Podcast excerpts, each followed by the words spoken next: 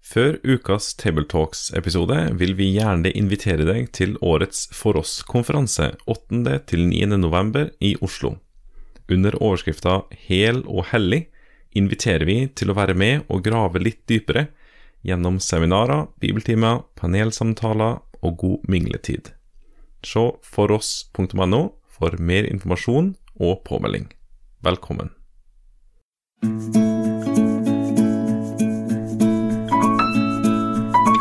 Velkommen til denne episoden av podkasten Tabletalks Søndagsteksten, som blir presentert av den kristne ressurssida foross.no.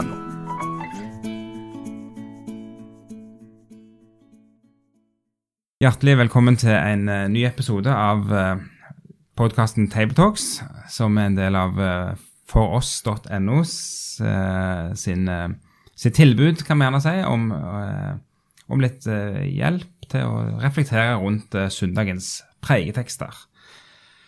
og um, mitt navn er Knut Kåre Kirkholm, og i dag så har jeg med meg i studio Sverre Bø. Simeon Ottosen. Eh, og sammen med meg så skal, skal de snakke litt om, om, det som er teksten for eh, 17. søndag i treenighetstida. Eh, og dette kirkeåret så har en eh, valgt lesteksten som pregetekst. Eh, og vi skal straks gå inn i Filippane 1, vers 20-26. Men før den tid så kan det gjerne være greit å bare få nevnt at uh, treenighetstida er den fasen av kirkeåret som vi er inne i nå den lange delen av kirkeåret hvor det ikke er så mange høgtider, men hvor vi har tekster som, som, handler om ulike sider ved truslivet, disippellivet, det å følge Jesus. Og akkurat denne søndagen her, 17. søndag i treningstida, så har, er det lagt inn tekster som på en særlig måte lufter fram håpet vårt, oppstandelsen, Jesus som sterkere livet. og i dag så skal vi da lese om apostelen Eh, eller høre snakke om apostelen Paulus, som, som eh, kjenner på en tiltrekning, kan vi nesten si, til å få komme eh, til Jesus og, og, være i samme han, i stedet for å være her på, på denne jord i lag med men han, men han, kjenner på en slags konflikt og, inni seg, og, og, det er det vi skal særlig, særlig eh, fokusere litt på. Men før vi begynner den samtalen, så skal Simeon få lese teksten fra Filippane 1, vers 20-26. Min lengsel og mitt håp er at jeg ikke skal bli til skamme i noe, men at Kristus, nå som alltid, skal bli opphøyd for alles øyne ved min kropp, enten jeg skal leve eller dø. Å leve er for meg Kristus, og å dø er en vinning. Men hvis jeg får bli i live, kan jeg gjøre et arbeid som bærer frukt og da vet jeg ikke hva jeg skal velge. Jeg kjenner meg trukket til begge sider. Jeg lengter etter å bryte opp og være sammen med Kristus, for det er så mye, mye bedre. Men for deres skyld er det mer nødvendig at jeg fortsatt får leve. Og fordi jeg er trygg på dette, vet jeg at jeg skal bli i live. Ja, bli hos dere alle og hjelpe dere til fremgang og glede i troen. Da skal dere få rikelig grunn til å være glade og stolte i Kristus Jesus for min skyld, når jeg kommer til dere igjen. Vel, eh, hvor sterkt kjenner dere på den konflikten som Paulus kjenner på? Jeg må i hvert fall for min egen del innrømme at eh, jeg tror nok mitt instinkt er å leve. Eh, det er liksom det som er mest sånn sitt uh, umiddelbar respons. Ja, jeg føler meg på ingen måte trukket til begge sider. Det må jeg, det må jeg si. Ofte tenker jeg når jeg leser denne teksten at, uh, at jeg har det motsatt Eh, av hva Paulus hadde det. Eh, han vil helst dø, men kan leve for eh, filippernes skyld, da. Mm. For andres skyld. Mens jeg tenker at jeg aller, aller, aller helst vil, vil leve, og så kan jeg håpe at at jeg også vil dø, hvis det er, hvis det er Guds plan og mening. Men mm. jeg tør ikke å si så mye mer enn at det er noe jeg kan håpe. Mm. Mm. Ikke sant. Ja, Det er jo et personlig vitnesbyrd fra Paulus sin side. Han skriver ikke at alle kristne skal alltid ønske å dø heller enn å leve. Og Det er veldig mange sterke tekster i Bibelen om døden som en brodd og som en fiende og som en mm. smerte. Og, og Bibelen tilskynder ikke at vi skal flykte ifra livet med lengsel etter død. Eh, Det er vel noen få tekster hvor noen forbannet den dagen de var født, og ønsket de var døde. Eh, Det er Bibelen ærlig nok til å gjengi, og slik kan vi av og til møte mennesker som har det, med kronisk smerte, fysisk smerte, psykisk smerte, eller veldig vanskelige livsrammer. Og da må vi vise respekt for det. Men det er ikke noe bibelsk ideal at vi skal håpe å slippe å leve så mye lenger. Men det er jo et utrolig robust himmelhåp her. Ja. En helt overbevisning om at Gud tar seg av meg etterpå. Og det er noe bedre i vente. Ja, for det er vel kanskje det det koker litt ned til. For jeg, jeg tror du har rett i det poenget at det, det at døden primært omtales som en fiende i Bibelen, den siste fienden er døden, som skal tilintetgjøres osv., eh, sier oss jo noe om at død er jo ikke intensjonen i det hele tatt. Vi, vi er ikke skapt for å dø. Det er jo det er ikke meningen at vi skal dø. Vi skal jo leve. Det er jo, det er jo hele håpet vårt er å leve. Eh, og likevel så er livsvilkåret at vi skal dø. Men da er det nettopp at vi som kristne har et, har et håp som er så sterkt. Eh, et håp som Jeg vet ikke om vi forkynner det nok. Hva dere har opplevelse av det? Jeg tenker ofte det når jeg har vært i, i begravelser, at eh, be, altså begravelse i seg selv er jo, det er jo fryktelig trist at folk dør. Um, samtidig så tenker jeg at når jeg er i kristne begravelser, syns jeg det kan være litt lite fokus på uh, oppstandelse, og på at uh, døden på ingen måte er, er siste ord, da. Eh, vi som er kristne, vi skal ikke feire døden, men vi skal feire oppstandelsen, vi skal feire at døden ikke er Døden er ikke slutten. Mm. Og det tror jeg vi kunne blitt bedre på. Og, og oppmuntre hverandre med, og fortelle til hverandre, rett og slett. Jeg merker hvor sterkt det synker hos folk når jeg siterer en forholdsvis nyere god kristen sang, hvor refrenget er Alle Guds barn har det beste igjen. Sånn sett er det aldri synd på et Guds barn som dør i troen. Men det kan være synd på alle rundt. Og veien inn mot døden kan ofte være smertefull og kampfull, og vi må ikke idyllisere at det er noe som skal gå bra for Guds barn alltid, med, med frihet ifra smerte og plage og anfektelse og kamp. Men likevel, eh, den som er død i troen, har det langt, langt bedre enn en noen gang hadde det her i livet. Og det må vi si til hverandre. Ja, for Paulus han skriver i det første Tess 4 om at uh, tessalonikerne er jo da opprørte over de som har dødd. Eh, og så sier jo Paulus at ja, men uh, dere trenger ikke å være som de andre og sørge som de andre. Uh, altså de som ikke tror, de som ikke er kristne. Men fordi, Og så etter det så begynner han å legge ut da, om Jesu oppstandelse. Så da sier han jo, eller oppfordrer tesalonikerne til at de ikke skal sørge som de andre. Det viser at vi som er kristne, vi har et helt unikt håp. Eh, Det tror jeg vi må Det må vi ikke glemme. Og det er ikke det eneste stedet hos Paulus at han snakker om at han egentlig kunne hatt god lyst til å dø på flekken. Mm.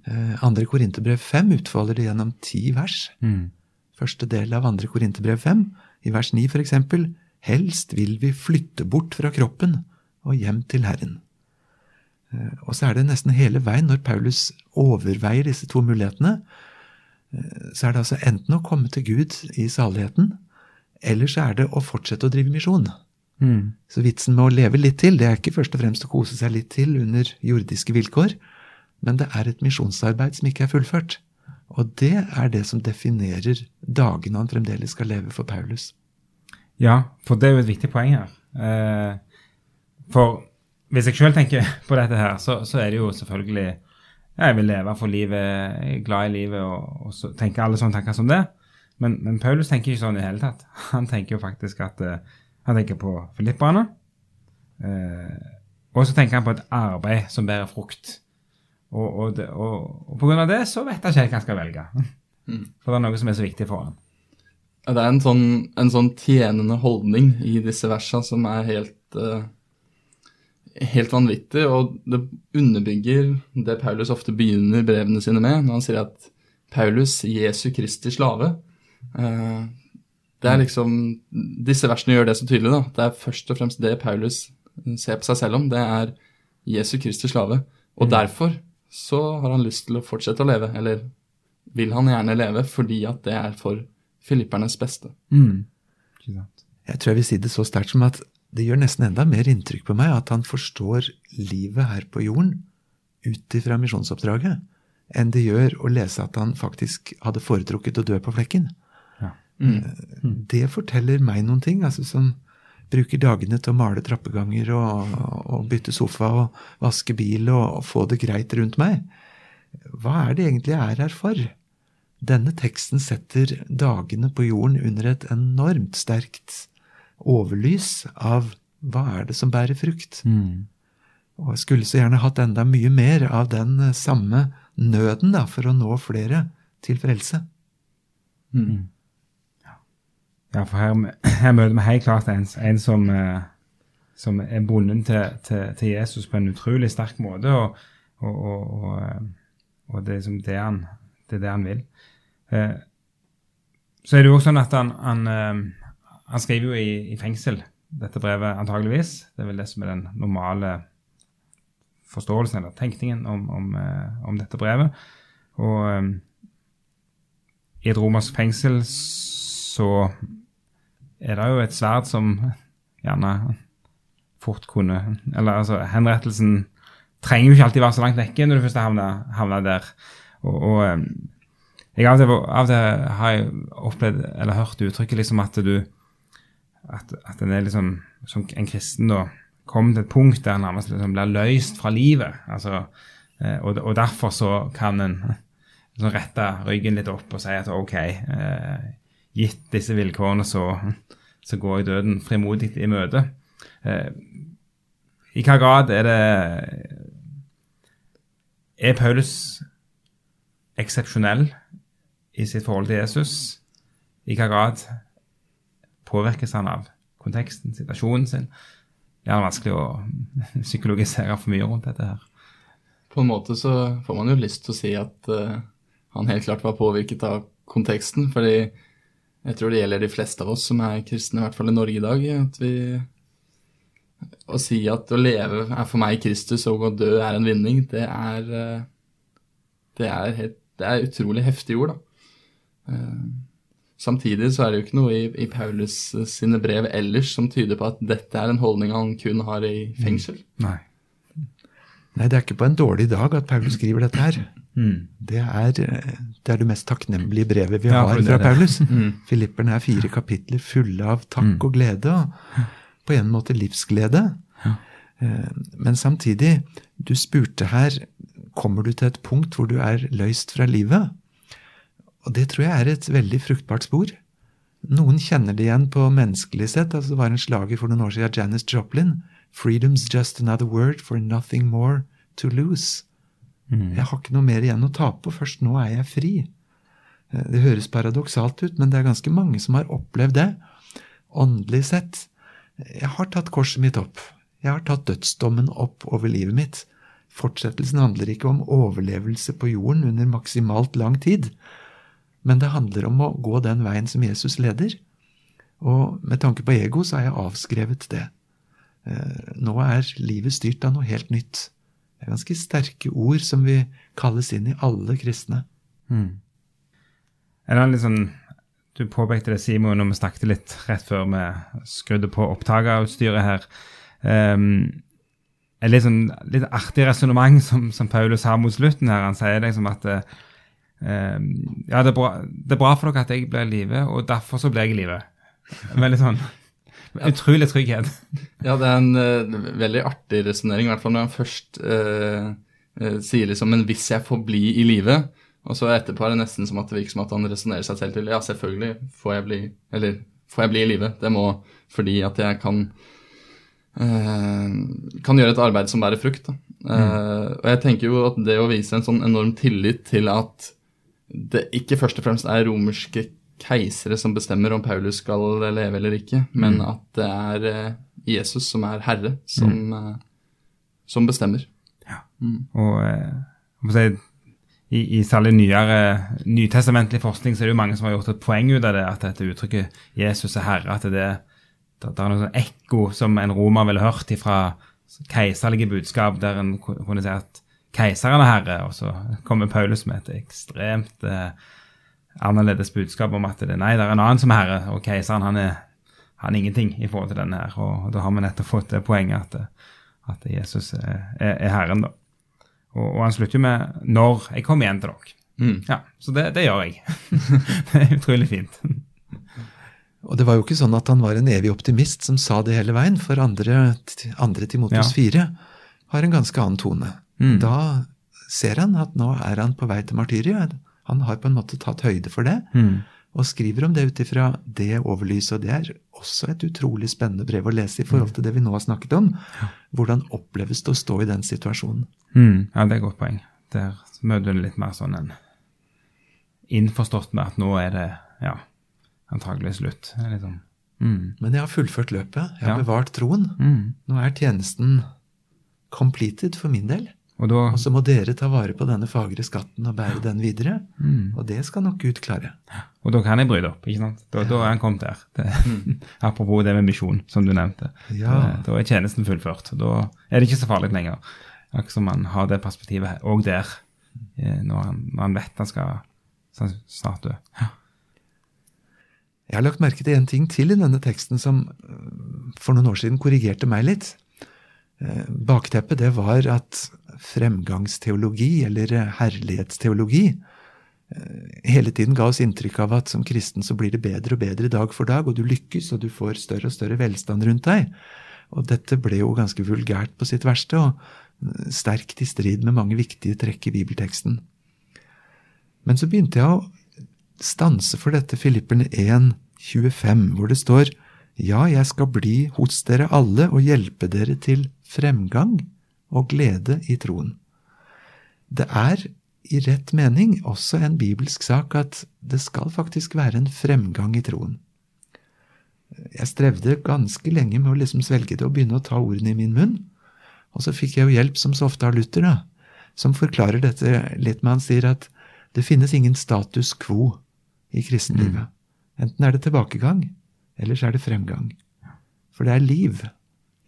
Jeg er ikke noen stor botaniker, men jeg har en hage jeg er veldig glad i. Og det er ikke én plante og ikke ett tre som er identisk i dag som det var i går. Enten så vokser det, eller så er det i ferd med å dø. Mm. Og troen er jammen litt av en skjør plante, med masse dødskrefter rundt seg, men også med en spirekraft ifra Gud selv. Og det å våge å sette ord på det, ikke sånn høyrøstet, men for meg selv Jeg er spent, Gud, på hva du vil for meg og med meg i dager som kommer. Jeg tror på Gud Fader, den allmektige, så allmektig, at midt inn i alt dette gørret som er mitt, så kan du gjøre glede og fremgang. Eh, Jeg tror ikke det behøver å skape noe hovmot, men en forventning og en tillit. Mm. Jeg syns også det er fint med, eh, med dette verset. Ofte så legger vi mye fokus på at vi skal ha fremgang i troen. Ikke sant? Vi skal bli helliggjort og ha fremgang, og det føler jeg at uh, vår tradisjon er ganske flinke på å vektlegge. Uh, samtidig så sier Paulus at vi skal ha glede i troen. Vi skal glede oss over hva vi tror på, over det håpet vi har. Og det syns i hvert fall jeg er fint. da. Kanskje, kanskje er ikke gladkristen et, eh, et, et, et flåsete begrep, eller eh, kanskje har det noe for seg. Ja, og det står det jo faktisk om i samme Filippe-brevet, i kapittel 3. Vær glade i Herren. Mm. Jeg blir ikke trett av å gjenta det. Gled dere i Herren. Og så sier han, det er også det tryggeste for dere. Det er en trygghet i å ha glede i Herren. Og alt dette er jo et ekko av en veldig spesiell episode tilbake i Esra Nehemia sin tid, da folket var tilbake i landet etter fangenskap og prøvde å bygge opp igjen landet og reparere stumpene, som ikke var veldig imponerende. Eh, Og så hører de loven, og da blir de så lei seg, for de skjønner at det er ikke sånn vi har gjort det. Og så gråter de.